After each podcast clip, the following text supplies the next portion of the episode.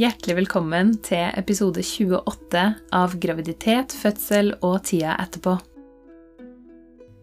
Mitt navn er Anette Hummel, og i dag har jeg med meg Kristiane. Kristiane er 29 år gammel og jobber som sykepleier. Hun har to barn på tre år og seks måneder, der eldstemann går i barnehage, og hun er for tida i permisjon. I dag så skal du få høre den andre fødselshistorien til Kristiane. Og hun deler bl.a. om det å ha et eh, tøft og utfordrende svangerskap, men en veldig fin fødselsopplevelse. Hjertelig velkommen hit, Kristiane. Takk for det. Så hyggelig å ha deg her. Ja, Veldig koselig at jeg fikk komme. Så bra. Ja. Kan ikke du starte med å fortelle litt om deg og din familie? Ja, jeg heter jo da Kristiane og er 29 år gammel. Jeg er forlovet uh, og har uh, to barn på tre år og seks måneder. Og så jobber jeg til vanlig som sykepleier, men akkurat nå så er jeg jo i permisjon, da. Ja, så Mhm. koselig, da. Ja, veldig. En liten på seks måneder. Ja, tiden går fort. Ja, og det er så artig når de er sånn rundt seks måneder gamle, for det er så mye som skjer. Absolutt. Det, Det er nesten fra dag til dag. ja, det føles nesten ut som at det går fortere nå enn sist òg. Oh, ja. Sikkert også litt fordi man ikke gjør så mye pga. korona og, og alt dette, så flyr tiden forbi. Ja, det kan godt hende. Mm. Ja, det er litt spesielt da, å være i permisjon nå med, i koronatida. Det er jo mange som har kjent på det. Men det er jo en litt Mm. spesiell opplevelse. Absolutt. Det er det helt klart. Mm. Litt deilig òg, egentlig, syns jeg, da, å bare kunne ta det helt eh, avslappet.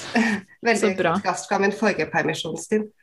Så bra at du syns det, at du syns det Mm. har noe positivt ved seg. Absolutt. Ja, det er kjempebra. Mm. Og vi skal jo snakke mest om din andre fødselsopplevelse i dag. Eh, men kan ikke du fortelle litt grann kort om ditt første svangerskap og den første fødselen din? Ja, altså den første, det første svangerskapet mitt, det var egentlig veldig komplikasjonsfritt. Eh, Jeg kjente egentlig omtrent ikke at jeg var gravid, helt frem til rett før uke 30, hvor det bikka med bekkensmerter. Eh, Da begynte jeg å gå til kiropraktor for det. Og det hadde egentlig ganske god effekt, men kun eh, egentlig samme dag og litt dagen etter. Mm. Men utenom det så var det et veldig fint svangerskap. Jeg kan ikke si at jeg elsket å være gravid, det gjorde jeg ikke. Men, men det var veldig annerledes enn mitt mitt svangerskap som var nå. Eh, Fødselen min første gangen, det startet med at eh, vannet gikk. Jeg hadde ikke noe symptomer i forkant av at, eh, at, jeg, at jeg skulle føde. Um, jeg hadde veldig sånn latterkrampe, og så bare plopp, så gikk, vannet. Ja, så det var litt artig. Så det var bare litt sånn, så da begynte jeg bare å le enda mer. Så Mm. apropos det med at oksytocin starter eh, fødselen, da, så stemte det nok der. Sant? Det er jo kjempeinteressant. Ja, ja. Så jeg tenker det har nok noe for seg. Ja. Absolutt. For sånn ordentlig latterkule, ordentlig latterkrampe, det er jo fullt av oks- oksytocin som bare Ja, ja. strømmer gjennom kroppen. mm, så det var litt komisk. Herlig. Um, og det var liksom ikke sånn som man ser på film, at, uh, at det bare begynner å fosse. Jeg satt i sofaen og så bare kjente akkurat som det var et sånt lite knepp, på en måte. Så jeg visste med en gang at det var vannet som gikk, selv om det ikke hadde kommet noe væske. da. Wow. Så da gikk jeg bare på badet, og så begynte det å komme uh, når jeg satte meg på do. Um, Deilig at det ikke gikk i sofaen, da. ja, ja, absolutt. Helt klart. Så dette her var jo da en uke før termin. Ja. Um, og jeg var jo så innstilt på å gå over. Uh, for alle sier jo det at med førstemann så går man ofte over. Mm. Men jeg var heldig som slapp det. Um, nei, så etter ca. 30 minutter da, så begynte riene å komme. Uh, de første riene, de kom med Altså den første rien kom med kanskje ti minutters mellomrom. Mm. Og så gikk det fortere og fortere. Um, og så hadde jeg ganske mange et par minutter mellom, hvor vi ringte til fødeavdelingen. Um, men på Ullevål, da, de var veldig på at jeg skulle holde meg hjemme, og at dette kom til å ta lang tid. og ja, eh, sånn. men da holdt vi oss vel hjemme i 20 minutter til, og så valgte vi, valgte vi å dra inn, da. Og så når jeg kom da, så hadde jeg tre centimeter åpning, så da fikk vi heldigvis lov til å bli, for jeg var veldig redd for å bli sendt hjem. Ja. Um, ja, så fikk vi et rom med en gang. Og en times tid etterpå så hadde jeg full åpning. Um, men så fikk jeg ikke lov til å begynne å presse fordi jeg hadde veldig veldig høyt blodtrykk. Så okay. de ville, ville at jeg skulle ha spinalbedøvelse først. Mm. Det er en, eh, litt det samme som epidural, bare at det er en engangsdose, da. Eh, Så det varer vel maks to timer eller noe sånt, har jeg hørt. Ok. Ja. Hvorfor, eh, hvorfor må du ha det når du har høyt blodtrykk? Nei, det er pga. at det høye blodtrykket skyldtes smerter, da. At de ville Ja, ja, senke smerte litt for å senke blodtrykket. Ok. Så, så det var Det hadde umiddelbar virkning, det. Man kunne se at blodtrykket bare falt med en gang. Wow. Så, ja, det var litt interessant. Og det var, var veldig, veldig deilig å få den eh, spinalbedøvelsen da. Mm. Um, ja, og så fikk jeg da lov til å begynne å presse etter det. Da pressa jeg vel i 30 minutter før eh, han da kom ut. Så en veldig fin fødselsopplevelse. Å, så bra. Absolutt. Det tok vel ja, rett i underkant av tre timer i aktiv fødsel, og så varte det totalt seks og en halv time fra vannet gikk, da. Ok. Mm. Det er jo ganske radig, da. Ganske Ja kjapt. da. Det Mm. var, det var liksom akkurat si, lang nok tid til at hodet rakk å henge med, da. Så det, Ja. det var en veldig fin, fin opplevelse, det. Mm. Mm. Så jeg tror etter fødselen da, så sa jeg vel rett etter at uh, dette kunne jeg gjort på nytt i morgen. Å, wow! ja. Det- Ja, så flott. mm. Hvordan var tida rett etter fødselen? Eh, Jeg syns det var veldig hektisk, egentlig. Eh, Vi hadde, både jeg og samboeren min har stor familie, så vi hadde ekstremt mye besøk. Um, også spesielt med første barnet, så er man jo så stolt, så man vil jo gjerne vise frem denne babyen til alt og alle. Så jeg husker på vei hjem fra sykehuset, så trilla jeg faktisk innom eh, jobben min, for da jobbet jeg på Ullevål. Bare for å, for å vise han frem, da. Så ja. Så man blir jo litt sånn eh, Alt det adrenalinet man får under en fødsel. Men, eh, ja. Ja, ikke sant? Så, men, og ellers så var det ja, mye venninnebesøk, og jeg fart, farta veldig mye rundt. Um, jeg syns det var veldig deilig å bare være litt meg selv igjen uh, etter de bekkenplagene på slutten av graviditeten, hvor man var helt uh, passiv og bare var hjemme omtrent. Mm. Mm. Ja, for du føler at det begrensa deg veldig? Ja, ekstremt. Mm. Uh, man, og så hadde jeg en del kynner også, så man hadde jo omtrent ikke Det ble, føltes ut som det ble verre med mye bevegelse. Ja. Så det var ekstremt deilig å bare føle at man fikk tilbake uh, energien sin, da. Mm. Ja. Og litt frihet. Litt frihet, ja. Selv om Mm. det var jo Det er jo selvfølgelig tøft med en liten baby òg. Um, og lite søvn òg, men jeg føler jeg håndterer det bedre enn å gå gravid, da. Ja. Mm. Det er jo deilig, da. ja, helt klart. Mm. Eh, og så eh, over til svangerskap nummer to. Mm. Det er jo Hvor mange år er det mellom de to? To og et halvt år. To og et halvt år, ja. ja. Ja. Eh, hvordan var selve svangerskapet med nummer to? Eh, Det var veldig tøft.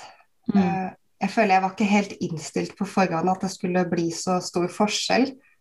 Man tenker på en måte at man vet hva man går til når det er svangerskap nummer to. Ja. Um, så var det noe helt annet. Hele første trimester så var jeg veldig kvalm. Um, Og så når det gikk over, så hadde jeg kanskje et par uker hvor jeg følte meg veldig bra igjen. Og så begynte jeg å få svangerskapsrelatert migrene. Uff. Eh, ja, så da hadde jeg vel migrene ca. tre-fire ganger i uka. Å, fytti. Um, ja. Så altså, det ble bedre etter hvert mot slutten av andre trimester, men det varte nok en tre måneder. Så det var jeg veldig tøft. Um, da følte jeg litt sånn at jeg ikke fungerte i det hele tatt. Og Mm. måtte bare ligge i et mørkt rom um, store deler av dagen. Fikk du noe hjelp for det? Nei, eller jo, jeg gikk jo til fysioterapi og akupunktur. Uh, men altså, jeg betalte dette på egen hånd, så det ble ekstremt dyrt, da. Mm. Det blir det. Ja, jeg vet at man kan vel um, søke om fysioterapi via kommunen, men det er ganske lang ventetid. Eller det var i hvert fall det den kommunen jeg bor i på det tidspunktet. Ja. Uh, så da hadde jo mest sannsynligvis barnet vært ute uh, innen jeg hadde fått hjelp. Uff. Um, og ellers så brukte jeg en type medisin etter hvert som inneholder en del ibuprofen, Mhm. um, som hjalp. Som det var på en måte å veie opp da, om man skulle ta den som man vet potensielt ikke eller kan være skadelig for fosteret, eller å ha veldig dårlig samvittighet overfor eldstemann da, for at man fungerte såpass dårlig. Så ja, det var litt tøft det òg. Ja, fy søren, det er et tøft valg, og, Mm. og ikke minst er det jo med i beregninga eh, smerteopplevelsen din også. Mm. Hvis at du lever med veldig, veldig høy smerte eh, over Mm. lengre tid, det er jo heller ikke nødvendigvis bra for fosteret. Nei, det gikk jo helt klart utover det mentale helse etter hvert òg. At man Ja. bare følte seg helt utmatta, og Mm. at man ikke strakk til på noen områder lenger. Så det var, var en veldig, veldig tøff eh, periode. mm. Det var klart. Mm. Ja, det skjønner jeg godt. Men hjelpa eh, Ga denne medisinen deg lindring hvis du tok den? Ja, eh, det gjorde den. Eh, altså Det tok på en måte det verste, eh, så det hjalp. Men jeg kunne fortsette å være en del sånn kvalm. Og dette her var jo over sommeren, så jeg merka at man ble veldig sånn lyssky. Så det, det satt at man var litt lyssky og, og kvalm, selv om det verste av hodepinen forsvant. Mm. Mm. Ja. Uff, heftig, altså. Ja, det, det ble som sagt mindre og mindre etter hvert. Um, så vet man jo egentlig ikke om, om det var behandling som hjalp, eller om det var eh, um, altså bare hormonelt. da. Legen mente at det var mye uh, hormonelt, så det kan hende at det roet seg litt etter hvert. Mm. Um, Det er sånt som er nesten umulig å vite. ja, ja. Og på Mm. daværende tidspunkt så tror jeg nok at jeg hadde prøvd hva som helst, fordi man var så desperat da, etter å finne noe som hjelper. Klart det. Mm. Selvfølgelig.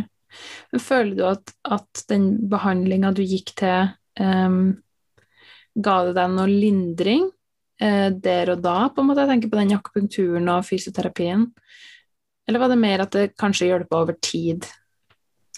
Um, når jeg begynte med akupunktur, det gjorde jeg etter at jeg hadde hatt den migrenen i to uker. Og da ville ikke legen at jeg skulle begynne med de tablettene først heller, fordi han ville se om det, om det ga seg av seg selv først. Mm. Um, så da had- hadde jeg i tillegg en sånn hodepine som var der konstant, i tillegg til disse migreneanfallene. Um, så når jeg var på akupunktur første gangen, så um, ga den uh, konstante ho hodepinen seg. Den ga seg umiddelbart. Wow. Um, ja, så det, det var veldig fint. Men så hadde jeg i tillegg, eller fortsatt disse migreneanfallene, da, så de ble mindre og mindre etter hvert, da. Og så når jeg bikka uke 30, så var det vel helt borte. Så det okay. varte liksom fra uke 15 til uke 30 omtrent, da. Wow. Fy søren, det er lang tid å gå med sånn. Ja, ja, det var det. Men uh, det er jo veldig fint at man, man glemmer det jo. Så det er jo veldig fint at man er laget for å ikke huske så mye av dette her. Mm. Så det er veldig tøft når man står i det, men uh, når man først får denne premien på slutten, så ville man ha gjort det ti ganger om igjen. ja, ikke sant? Så ja, det er noe galt med det. Ja, det er noe helt spesielt det der, altså. Mm. Ja, så rundt uke 30 så gikk den her migrenen og hodepina over. Mm. Eh, hvordan var resten av svangerskapet da? For da var det jo ca. ti uker igjen. Ja, altså de siste ti ukene så var det eh, Altså, det gikk ble liksom erstatta igjen da, med litt bekkenplager på slutten. Litt det samme som jeg hadde i første svangerskap. Eh, så det kjente man jo på en måte litt igjen, og følte at man var bedre forberedt på denne gangen. Mm. Um, men så var det litt sånn rent psykisk så var det litt tungt. Mye sånn uh, irrasjonelle følelser. Og så vet man jo selv at, at, det er mye kanskje hormoner som spiller inn, da. Um, så jeg følte at partneren min, han han var litt sånn som spurte veldig ofte hvordan går det, litt sånn for å sjekke ståa, om, om det er en god, en god dag eller en dårlig, eller ja, eh, hvordan humøret er òg. Ja. Um, og så hadde jeg Det var innmari rart, men um, jeg hadde sånn at hvis jeg fikk veldig latterkrampe, så gikk jeg automatisk over til å begynne å hulkegråte. Så jeg var, og det, det, har jeg aldri hørt om noen som har før, men uh, jeg, jeg, til slutt så ble det sånn jeg måtte liksom holde igjen for å ikke begynne å le for, eh, for mye. da. For jeg var redd for at, jeg, at, jeg bare skulle begynne å gråte. Og det var helt sånn uten noen som helst grunn. Det bare var de hormonene som jeg tror eh, ja, tulla veldig med meg. Mm. Ja. Men jeg tror ikke det er så Jeg vet ikke, altså, men jeg, tror ikke det er så unaturlig, for det er jo Jeg føler at gråt og latter, det er ikke så stor avstand mellom de to. Nei. Kanskje, gjør, jeg, jeg, ja, jeg, jeg, var, jeg, var, så redd eh, der og da, for jeg tenkte sånn, skal det være sånn for alltid? Mm. Og så kan jeg aldri le ordentlig igjen, men heldigvis så kan jeg den nå, da. Så, ja. så det er ikke noe problem. Men er ikke det litt sånn typisk? Jeg hører flere som, som sier det når man er gravid, og så også i den perioden man, man kan være ordentlig kvalm og sånn i starten av, av uh, svangerskapet, og så tenker man jeg kommer aldri til å ikke være kvalm igjen. Ja. At man tror at det på en måte varer evig. Mm. Ja, ja, det er jo alt det livet handler om der og da, er jo Mm. hvor elendig man føler seg. Ja, Så um, ja, det er jo det. Sånn er det. Ja. Men eh, du sier litt grann om den her psykiske biten, og snakka du med noen om det? Nei, jeg gjorde egentlig ikke det. Um, jeg, jeg burde sikkert ha gjort det, for det, som sagt, det var mye sånn dårlig samvittighet. Altså, vi, vi flyttet f.eks. i første trimester, Mm. -hmm. når jeg var veldig kvalm, og så skal man jo ikke bære. Så man, man kjente liksom på at, at man ikke strakk til der, da, at man ikke hjalp til nok. Og det er jo helt tåpelig, fordi med andre som er gravid, så er jo jeg veldig sånn nei, nei, du skal ikke bære, og dette, altså sånn, ja. Ja. Du skal helst ikke gjøre noen ting. Men uh, når det er seg selv, da, så, så kjente jeg veldig på det å ikke kunne fungere som normalt. Mm. Um, og også eksempel, uh, vi hadde dugnad her når jeg gikk høygravid. Um, og da så fikk jeg sånn følelse at jeg ikke fikk hjulpet til på dugnaden. Uh, ja. Så Mm. det er ve veldig mye sånn rare følelser, egentlig, som er helt uh, ubegrunna. Ja. Det er Altså, jo veldig typisk, da. ja, det, det var sikkert litt fordi man allerede hadde så dårlig samvittighet overfor å fungere så dårlig som mamma og ja. Mm. Um. Men heldigvis så Jeg har en veldig flott eh, partner som uh, hjalp veldig mye til. Som aldri gjorde at jeg trengte å egentlig føle på, på de følelsene, og støtta meg veldig. Så det var veldig fint. Så bra, da. Mm, Og det er godt å høre. mm, det er jo, det er jo tøffe følelser å gå med, og det, altså er det så det er så typisk at vi, vi dømmer oss sjøl så innmari mye strengere enn andre. ja. Vi, bare, vi krever så mye av oss sjøl at det bare liksom Ja, jeg er egentlig skikkelig kvalm og har ordentlig bekkenløsning og, og har migrene og sånn, men jeg føler at jeg bør delta i samfunnet som en helt vanlig ja, det frisk person, på en måte. det. Jeg tenker noen ganger at uh, sånn, på sosiale medier og sånn, så blir det ofte veldig sånn glamorisert, dette Mm. med graviditet og fødsel og barsel og ja. Så man, man tenker kanskje at det er de forventningene, da, som Mm. uh, uh, Ja, at man burde fungere like bra som det ser ut som at andre gjør på, på bilder og ja. Sant? Så- Men samtidig så er det jo den tid man har lyst til å huske i ettertid òg, så jeg skjønner jo at det er den biten mange velger å dele, da. Ja. dette her er jo sikkert glemt. Um, jeg husker etter mitt første svangerskap, når jeg hadde en del bekkenplager um, Så når jeg så gravide i ettertid, så tenkte jeg bare stakkars deg. Uh, vi er alle blitt lurt, eller sånn. ja, fordi jeg var liksom ikke forberedt på, på det, da. Mm. Så, men så gikk det noen måneder, og så var det en sånn Å, det er så fint å være gravid, og ja. Jeg er, jo, jeg er jo laget for å skulle føde flere barn, så ja. ja. Naturen fungerer heldigvis sånn at vi, som du sa i stad, at vi, vi, glemmer det. Mm. Mm. Vi gjør det. Og det er jo det, som sagt, det fine man har lyst til å sitte igjen med i ettertid. Mm. Det er jo det. Mm. Det er jo det. Hvordan syns du at støtten var som du fikk um, i svangerskapet ditt? For du hadde, jo, du hadde, jo, litt diverse plager og litt sånne ting. Hvordan var på en måte eh, omsorgen og støtten du fikk i den perioden? Mm, jeg følte at det, når det gjelder alt det fysiske, så var det veldig, veldig bra. Eh, veldig dyktige jordmødre. Og, men når det gjaldt eh, det mentale, så følte jeg kanskje ikke at jeg fikk så mye informasjon. Mm. Um, og også litt F.eks. første svangerskapet. Jeg, da ble jeg sykemeldt jeg tror rundt uke 30 ble jeg gradert sykemeldt uh, pga. bekkenplagene. Og da var det litt sånn at man får en sykemelding istedenfor um, kanskje time hos Altså hjelp fra fysioterapi eller andre instanser da, som man ikke trenger å gå til privat. Mm. Eh, jeg gikk jo som sagt til kiropraktor første gangen, og det blei jo veldig dyrt, det òg.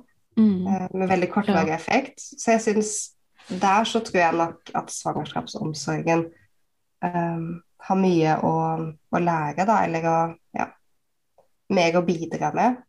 Mm. Ja, absolutt. Jeg har også tenkt litt på det der med, med sykemelding. Jeg har hatt noen samtaler med noen venninner rundt det, at, at det er jo en god del gravide som blir sykemeldte. Mm. Enten gradert eller helt sykemeldte. Um, at jeg på en måte jeg, jeg kunne ha tenkt meg at, at en sykemelding som gravid hadde et annet navn enn sykemelding. Mm. Fordi at i veldig mange tilfeller så er man jo ikke syk, men man har symptomer på Altså man har helt vanlige symptomer på graviditet, men som er såpass plagsomme at man ikke kan Mm. gjøre jobben sin. Ja. Og så har man jo alltid hørt dette før, at eh, graviditet er ingen sykdom. Mhm. Um, men samtidig så kan jo de plagene gjøre deg ganske syk. Absolutt. Eh, absolutt. Så jeg følte nesten Altså til og med med førstemann, hvor jeg hadde et helt normalt svangerskap med helt normale plager, mm. så følte jeg likevel at det å gå gravid nesten var en 50% stilling. Ja. Så altså Så absolutt. Så, men da hadde man jo ikke en hjemme eh, som du måtte hjem til etter jobb, da. Så da kunne du i det minste hente deg inn etter en dag på jobb. Mens denne gangen så hadde du jo et privatliv òg, da, som kanskje kommer aller først når man fungerer dårlig. ja. Uh, så ja. Så altså, det er jo en fabrikk på høygir Mm. eh, når man går gravid. Det er jo det. Mm. Jeg, jeg leste nylig det, var, det er gjort noe sånn forskning på hvor, altså, hvor uh, fysisk krevende et svangerskap egentlig er, Mm. og at det sidestilles med å sykle Tour de France. Oi. Så tenker jeg, Hvis man sykler Tour de France mens man har en full jobb, det er på en måte Ja, ikke helt Ja. Nei. Uff, nei, ikke sant. Altså, det føles jo litt som et nederlag da, at uh, man må sykemelde seg og Ja, ikke sant? Det, ja, det gjør det. Men så er jo det egentlig litt synd at det skal føles som et nederlag. Ja, det er jo det. Det burde nesten vært en eh, selv, selvfølgelighet, holdt jeg på å si. Ja, ikke sant? Og så har man så lett til å si til andre som er gravide, at nei, men herregud, du må jo sykemelde deg. Du kan ikke holde på sånn. Mens til seg selv så sier man at å, du eh, fungerer så dårlig, og du må bare holde ut, og Ja. eh, ja. Men så er man jo, i hvert fall i min jobb, så er jeg ikke uerstattelig. Er Nei, sant. Mange De sykepleiere. færreste er jo det. Ja, de færreste er jo det, det er sant. Mm. Ja. Men hvis du, hvis du tenker på den her psykiske og mentale biten i svangerskapet ditt, Mm. hva slags, um, hva slags støtte informasjon, spørsmål, kunne du ha ønska at du hadde fått? Oh, det er et godt spørsmål.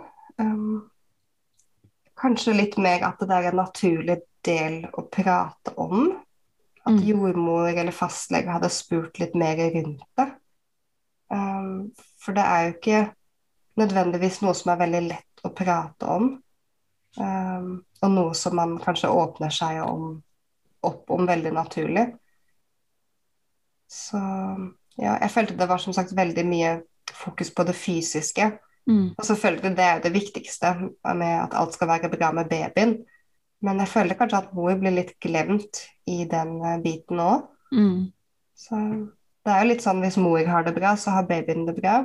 Sant? Jeg kan jo være Eller jeg er jo heldig sånn sett som ikke har fått noe barseldepresjon, for jeg tror nok at mange som har de tendensene i løpet av et svangerskap, at de er lettere disponert for å få barseldepresjon i ettertid. Mm.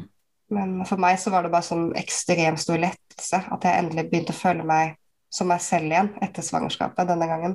Ja. Så på slutten det var nesten sånn at man ikke klarte å se folk i øynene når man prata. Ja. Det var veldig, Nei. veldig rart. Mm. Mm. Hva var det for noe, tror du? Nei, det var nok bare den, som sagt, litt sånn skyldfølelse, da, for at man eh, ikke klarte å fungere verken som mamma eller på jobb eller med familie. At man, man bare gikk og følte seg dårlig hele tiden og ikke fikk bidratt. Mm. De tingene som er så naturlige for deg i en vanlig hverdag. At det blir så fjernt å klare å prestere på det nå. Mm. Den nederlagsfølelsen. Ja. Mm. Plutselig strekker du ikke til. Mm. Mm. Ja, det er tøft. Mm. Kjempefint. Tusen takk for at du deler så ærlig og åpent. Det Ja, setter jeg stor pris på. årsak. Det er lettere å prate om det nå når man har det på avstand. Mm. Nå ser man liksom seg selv litt utenfra. Ja. Mm. Det, det er alltid sånn når man har, har tøffe perioder. Det er mye enklere å, å dele og snakke om det når, når ting har blitt bedre. Mm. Mm. Ja, der og da så er det liksom litt sånn Nei, nå må jeg ta meg sammen. Altså, ja. Ja. Skjerp, deg-innstillingen. Mm. ja, ikke sant. sånn fors forsvarsmekanisme, kanskje. Ja. Mm. Mm. Altså, jeg Altså, de aller fleste eh, jordmødre på helsestasjonene rundt omkring og sånne ting, de, eh, de kjenner jo til det her. Mm. Eh, sånn at hvis man, hvis man ikke blir spurt av jordmor, så kan man, selv om det er kjempevanskelig, men så kan man ta det opp sjøl Mm. eh, og si du, jeg har, det, jeg har det litt vanskelig med de tingene her. Um, for de aller fleste jordmødre, de bør i hvert fall uh, vite hva de skal gjøre med det. Mm. Ja, jeg hadde jo en veldig fin jordmor um, under svangerskapet, så hun hadde nok absolutt uh, hjulpet meg med det. Men Mm. eh, det er litt det å kanskje innse det selv, eller innrømme det for seg selv. Ja. Uh, så det sitter veldig langt inne. Mm. Klart det, og det er jo ekstra vanskelig å si det høyt. Mm, Mm. det er det. Nei, det er veldig forståelig. Mm. Um, hvordan forberedte du deg til selve fødselen? Hadde du noen spesielle ønsker eller planer for det? Eh, min strategi der var egentlig å forberede meg minst mulig. Um, jeg har veldig behov for kon kontroll. Eh, liker å vite hva som skal skje. Og... Så jeg tenker at hvis jeg hadde forberedt meg for mye, så, så hadde jeg kanskje blitt litt mer skuffa hvis det ikke gikk etter planen. Mm. Så altså, jeg har jo ekstremt stor interesse for dette med fødsel. Jeg har jo lyst til å ta jordmorutdanning etter hvert. Ja. Um, så jeg har jo alltid på en måte f.eks. sett på fødeavdelingen og så ja, i underbevisstheten så har jeg nok forberedt meg en del, men um, det var på en måte planen min å ikke ha noe plan. jeg skrev f.eks. ikke noe fødebrev eller noe sånt. Det eneste som jeg kunne tenkt meg, det var det å ha en så naturlig fødsel som mulig. Ja. Og det å føde i vann. Um, men eh, når først fødselen starta, så kunne jeg overhodet ikke tenkt meg å føde i vann. Så ja, så det er fint at man ikke har skrevet alt i stein. ja. Ja. ja, heldigvis. Man kan alltid ombestemme seg. Ja, og dette med smertelindring, det føler jeg var litt sånn at de anbefalte det pga. blodtrykket med første fødsel. Mm. Så da gjorde man jo det. Og så var det jo innmari deilig med, når man først fikk den spinalbedøvelsen. Ja. Ja. Så tenkte du at du ville det på nytt, eller hva var tankene dine rundt det? Nå så, så hadde jeg lyst til å ha en så naturlig fødsel som mulig denne gangen, men jeg hadde på, på nytt lyst på en vannfødsel, da, som jeg ikke hadde lyst på forrige gang. Og så hadde jeg veldig lyst til å ta imot babyen selv, Ja. på en måte dra den ut. Det var en sånn ting jeg hadde veldig lyst til.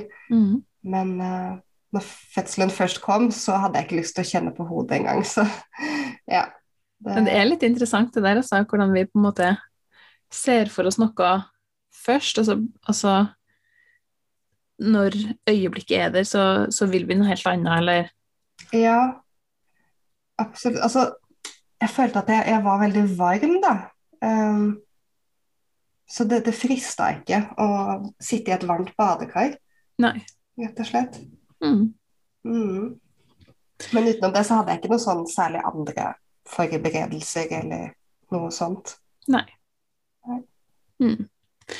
Eh, hvordan starta fødselen den gangen her? Var det vannet som gikk den gangen her òg, eller var det noe annet som gjorde at du kjente at fødselen var i gang? Ja, det stemmer. Altså, vannet gikk på natta, eller ja, tidlig natt eh, denne gangen òg, akkurat som sist. Eh, og det hadde akkurat bikka termindatoen. Um, jeg tror klokka, ja, klokka var vel eh, to når vannet gikk. Um, og han inni magen han hadde vært innmari aktiv, så jeg hadde ikke sovet et sekund. Og så visste jeg på en måte bare at, det- at det nå skulle det skje. Ja. Så jeg vet ikke hvorfor, men ja. Så når jeg gikk på do da klokken to, så gikk vannet eh, da. Mm. Og så kom riene vel ti minutter etterpå. Og da hadde jeg vel nesten omtrent med en gang sånn ett minutt mellom riene, bare. Oi! Så det, det var veldig intenst fra starten av. Mm. Så mm, da skjønte vi at det, egentlig så er det bare greit å, å dra inn. Og så vi, ringte vi jo til Bærum sykehus, og de også sa at, at vi godt kunne komme inn, siden det gikk relativt fort sist. Eh, Så da kjørte vi han eldstemann til bestemoren sin på veien inn til sykehuset. Mm. Og når vi kom frem og jordmor sjekket åpning, så hadde jeg tre centimeter åpning. Og da tenkte jeg at å ja, men da kanskje det tar litt lang tid. Og så var det veldig intenst. Da spurte jeg om epidural, siden jeg hadde, eller spinal, da, siden jeg hadde såpass god erfaring med det sist. Ja. Um, ti minutter etter dette her så kom jo han anestesilegen inn. Uh, og da begynte jeg å få presserier. Og så Ja. sa anestesilegen bare at nei, men eh, da går jeg igjen, jeg. Ha det bra. Og så fikk jeg et, et lite sånn øyeblikk med sånn «Øh, Nei, men øh, Litt panikk. For jeg, ja, jeg, jeg følte at jeg ikke var helt forberedt på det å skulle presse ut barnet uten bedøvelse, selv om uh, man sier at uh, epidural og spinal at det bare tar riene, Mm. og ikke pressriene. Og det stemmer veldig, da. Det var ikke noe forskjell i selve pressfasen. Ok. Så da på ti minutter da, så hadde det gått fra tre centimeter til full åpning og starte med å presse. Da, På ti minutter, sa du det nå? ja. så, så jeg er veldig glad for at vi rakk frem til sykehuset og ja, Ja, det kan du si. alt dette. Så ja, 15 minutter senere så var han ute, så aktiv fødsel varte jo 25 minutter, da. Så det var raskt. så Wow. Jeg følte nesten det gikk litt for fort, akkurat som at hodet ikke helt hang med. Mm. Det var liksom kroppen bare jobber uten at man henger helt med og ja Får ny, nyte det, holdt jeg på å si. Altså, ja. Ja, ikke sant? Mm. Wow. Og så, eh, når han kom ut Kom han opp på Mm. brystet hos deg, eller Ja, han kom opp på brystet med en gang, så, så da hadde jeg jo egentlig veldig lyst til å, som, som jeg sa i stad, eh, dra han opp selv, men der og da så, så føltes det ikke helt sånn Ja, det hadde jeg ikke så lyst til likevel, men det, ja, det var veldig fint at de la han opp og ja, det øyeblikket. Ja, klart veldig det. koselig. Mm. Så fint. Ja. Og så eh, lå han på brystet ditt. Eh, hvordan gikk det med amming og sånne ting? Uh, jeg la han vel til bristet med en gang. Og så sist, på første fødsel, så fikk jeg ikke melk før på dag tre. Mm. Um, så det tok litt tid, og denne gangen så ja, så kom det en del raskere. Det var vel uh, kanskje ikke samme dag, men uh, på den dagen etter, da. Så Ja. Men det gikk veldig fint med, med amming. Han, Førstemann han hadde litt stramt tungebånd. Mm. Um, så jeg ble litt sårere. Men denne gangen her så gikk det veldig fint fra starten av. Så bra. Mm. Absolutt. Herlig. Så jeg var veldig glad for at partner fikk, eh, fikk være med, og det var jo midt i koronaen, akkurat når bølge nummer to egentlig starta. Mm. Så det var egentlig en av mine største bekymringer før fødsel, var jo dette med om partner skulle få lov til å være med, eller Selvfølgelig. Hvis han hadde måttet vente ute til jeg hadde blitt sjekket, så kan det hende han hadde uh, mista, mista det, på en måte. Ja. Gått glipp av hele greia. Mm. Ja, det kunne plutselig ha skjedd. Mm. Mm. Er flere som har opplevd det, så. Mm. Men uh, uh, hvor, lenge, hvor lenge var dere på sykehuset etter fødsel? Vi var der i to døgn. Ja. Så vi kunne sikkert ha dratt hjem eh, før det, men jeg syns egentlig det var litt behagelig. Mm. Eh, vi fikk, eh, fikk enerom på, på Bærum, og så fikk man jo mat servert, og siden man ikke fikk gå inn og ut av rommet. Så Ja. det var egentlig litt sånn ja, rolig og avlastende. Det blir jo litt mer action når man kommer hjem til en to og et halvt åring med full fart hjemme og ja. besøk. Jeg syns det var innmari deilig å ikke ha besøk på sykehuset. Mm. Eh, jeg tror med førstemann så hadde vi vel fem besøk Oi. på sykehuset, så det ble litt intenst. Mm. Så skal man jo egentlig helst bruke den tiden bare på å bli kjent og få i gang amming og Så denne gangen her så ble det litt mer sånn som jeg ønsket, hadde ønsket det første gangen. Mm. Så deilig, da. Ja, det var veldig fint. Mm. Mm. Kjempebra. Hvordan gikk det å komme hjem med, med en ny baby og en to og et halvt åring? Det gikk egentlig over all forventning. Um, altså, vi merket litt til sånn småsjalusi i starten, hvor eldstemann gjerne ville um, sitte på fanget og litt sånt alltid når jeg skulle amme. Mm. Uh, gjerne skulle leke akkurat da. Ja. Men så, så gikk det seg til etter hvert. Han er veldig omsorgsfull overfor lillebror, og ja, så bra. så det var veldig koselig. Jeg føler barseltiden har jo vært veldig annerledes denne gangen, hvor vi hadde minimalt besøk de første ukene. eh, Bare fikk bli kjent og nyte å ta det rolig. Um, og så er, det jo, er man jo kanskje litt tryggere med baby nummer to. Mm. Det er, eh, første gangen så hadde jeg helt ekstremt bratt læringskurve. ja. Tror jeg det er mange som kjenner igjen. Ja, eh, absolutt. Og man vil, det er så utrolig mye informasjon som er tilgjengelig. eh, Mm. Og forskning, og man vil jo gjerne gjøre alt riktig, gjøre det som er best for barnet på alle områder, så det blir kanskje litt overveldende. Mm. Mens denne gangen så hadde man på en måte den kunnskapen og ikke trengte å finne ut av ting, da. Det gikk litt Ja. mer på automatikk. Ja, og så stoler man kanskje litt mer på seg sjøl som foreldre òg. Ja, At man ikke trenger å, trenger ikke å google alt, på en måte. Det. ja.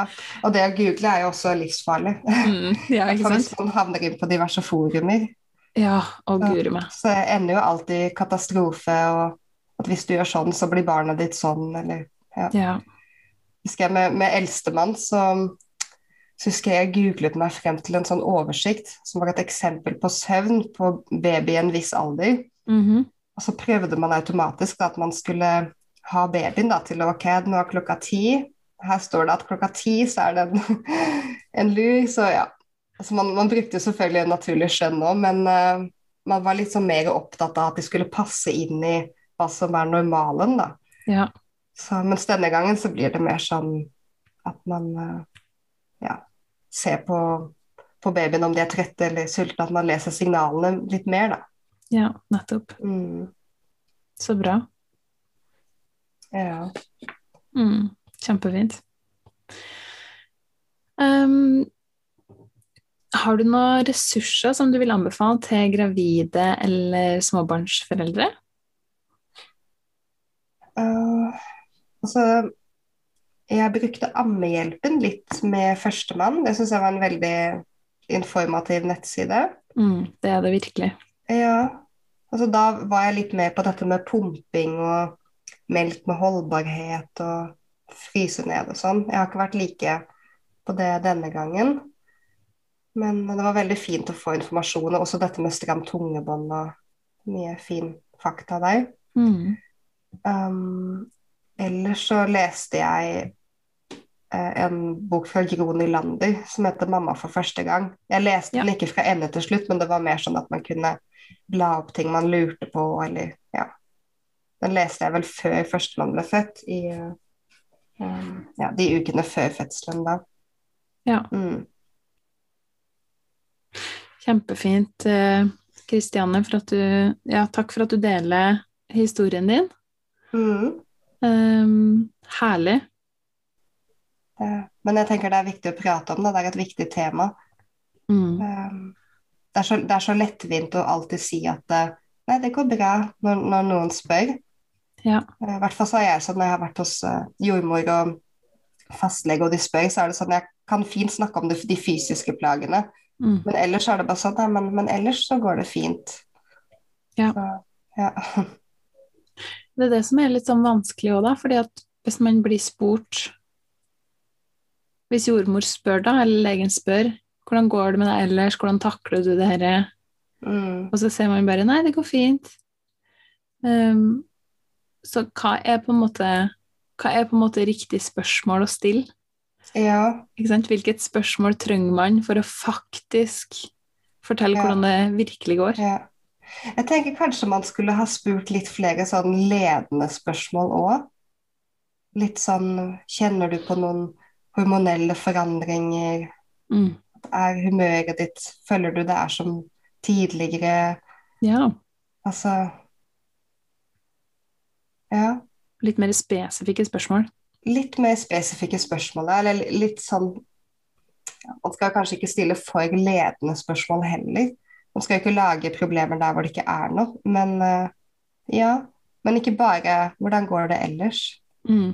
Det, det Ja. kan jo også hende at, at jordmor har gjort det, bare at man, man er så fokusert på å skulle beholde den masken da, om at det går, går bra. Ja. At man kanskje ikke, at, at man ikke er eh, mottagelig for, for den støtten man eventuelt kunne ha fått. Mm. Sant. Mm. Jeg har et ønske og et håp om at i framtida at, eh, at psykiske og fysiske plager er likestilte. Ja. At det er like ok å si at du si at du er deprimert som at du har migrene. Mm. Helt klart, det er jo ikke noe hemmelighet det at eh, psykisk helse i Norge, det, det er ikke like lett å få hjelp der da, som eh, med de fysiske plagene. Nei. Det er det ikke. Det er ikke det, altså. Så ja. Mm. Og sjøl med de høye tallene nå, med barselsdepresjon og Mm. ja, det har vel gått opp det under korona nå. enormt Ja. 70% eller noe sånt har det steget. Jeg tror nok helt klart at um, Altså, jeg var jo i første trimester når korona kom til Norge. Og det å jobbe på sykehus da, det føltes veldig utrygt. Mm. Um, og vi er jo laget Altså, vi er jo mer sårbare under svangerskapet også for å være obs på eventuelle farer da, som kan være farlige for barnet. Uh, både når det gjelder at man, mange forandrer kanskje smak. Um, mm. At man plutselig ikke liker mat lenger som kanskje da ikke er bra i store mengder, som f.eks. kaffe og sånt. At man får litt avsmak på de tingene. Ja. Men uh, på samme måte så er det jo også med, med andre typer farer, da. Og på det tidspunktet så visste man jo så lite om dette med korona og hva det kan ha for betydning for babyen eller for den gravide. Og, ja. Så det var jo litt sånn frykt i det også, mm. som jeg kanskje tenker kan ha hatt en påvirkning i at man var uh, Ja var litt mer uh, nedstemt da, under svangerskapet. Ja, det er jo helt logisk. Mm. Mm. Har noen, du har noen gode poeng der, altså. For det er, jo en, det er jo en usikker og ny situasjon. Ja. Altså, vi er jo Hjernen forandrer seg jo når man uh, går gjennom et svangerskap for å ja, passe på farer og mm. ja. Ja. Hjernen gjør det, og så forberede eh, Hjernen forbereder seg også på eh, å eh, ha omsorg for et nytt menneske. Mm. Så det er jo en enorm endring som skjer både i ja. svangerskapet og under fødselen og rett etter fødselen. Mm. Jeg følte på en måte ikke at jeg gikk gjennom den forandringen med nummer én. Eh, altså Som sagt, jeg hadde ikke noe sånn hormonelle altså, Eller at jeg følte meg nedstemt eller noe som helst sånt eh, første gangen. Så det føles litt ut som man har fått dobbel dose den gangen her, da, med å virkelig bli mamma, da. Ja, det er interessant. Så jeg var litt mer sånn med førstemann at jeg ville at dette barnet skal tilpasse seg mitt liv og um, ja, ta vare på den jeg har vært, da, eller er, eller ja. Ja. Men uh, realiteten er jo at livet forandrer seg jo når man får barn. og man, alle, alle sier jo det at man prioriterer annerledes. Mm. Og så tenker man det at nei, men jeg prioriterer jo det samme som jeg har gjort før. Så dette har jeg jo kjent mer på gang nummer to. At mm. det stemmer jo virkelig det man sier, at uh, man prioriterer helt annerledes når man får barn. Ja. Um, og det er jo litt sikkert den sårbarheten da, som har skyld i det, at man ja Man vil jo gjerne være der for babyen sin og mm. Absolutt. Mm. Det er kjempefint, egentlig. Mm. mm, flott. Tusen hjertelig takk for at eh, du kom, Kristianne. Takk, takk for, at jeg fikk komme. Bare hyggelig. Eh, sett, jeg, jeg har sett så stor pris på ærligheten og åpenheten din, og at du forteller det som det er, da. Ja, takk. Mm.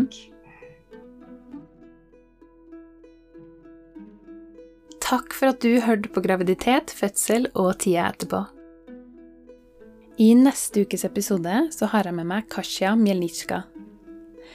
Kasia driver Småspiste barn på Instagram og er lidenskapelig opptatt av at barn skal kunne få den beste starten både med tanken på næringsrik mat, men også opplevelse av matglede.